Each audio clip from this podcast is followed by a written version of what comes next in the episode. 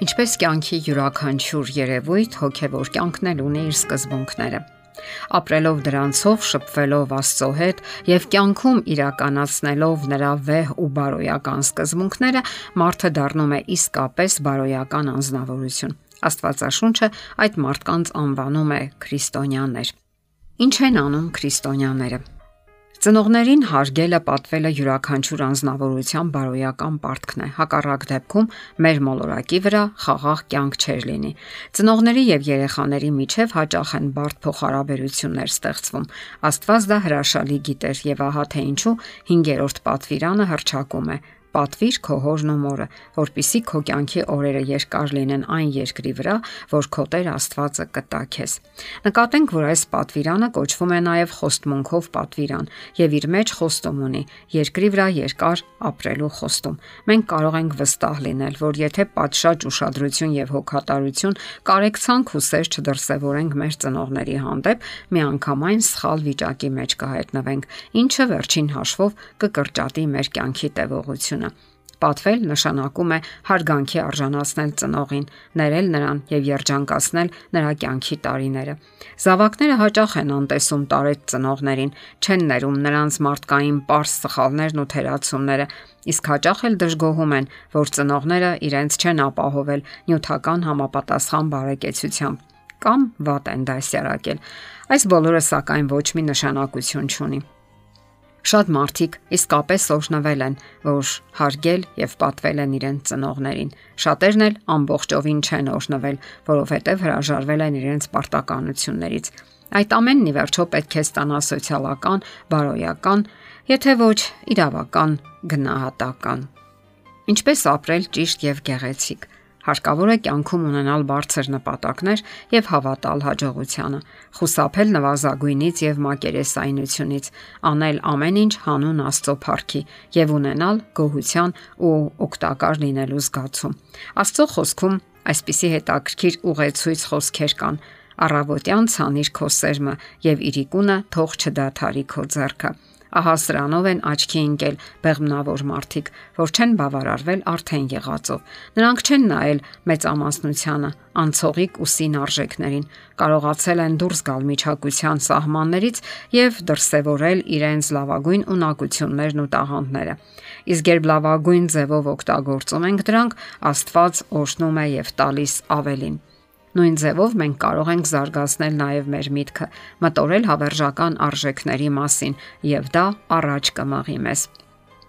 Հոգեբանական այսպիսի կանոն կա. բանական գործունեությունը բնորոշվում է նրանով, որ մարդու զարգացման մակարդակն աստիճանաբար հասնում է այն առարկաների ու երևույթների մակարդակին, որոնց շուրջ նա ամենից առավել է մտորում։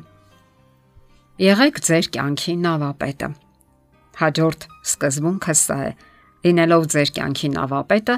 ղեկը հանձնեք Քրիստոսին։ Միայն նա կարող է բարեհաջող ձեզ անցկасնել կենսական բոլոր խութերի միջով եւ անվտանգ նավահանգիստ հասցնել։ Թույլ մի տվեք ուրիշներին, որ հիմարեցնեն կամ հիպնոսացնեն ձեզ։ Գաղափարական ամեն տեսակի վարար անսանձ գետերը իրենց պխտոր ջրերի մեջ են առնում թույլ ու անկամ մարդկանց եւ տաշեղի նման քշում իրենց ուզած ուղղությամբ։ Որոշում կայացրեք լինելու ուժեղ, հետաքրքիր եւ անսովոր անznավորություն օգտագործեք ձեր ողջ ներուժը։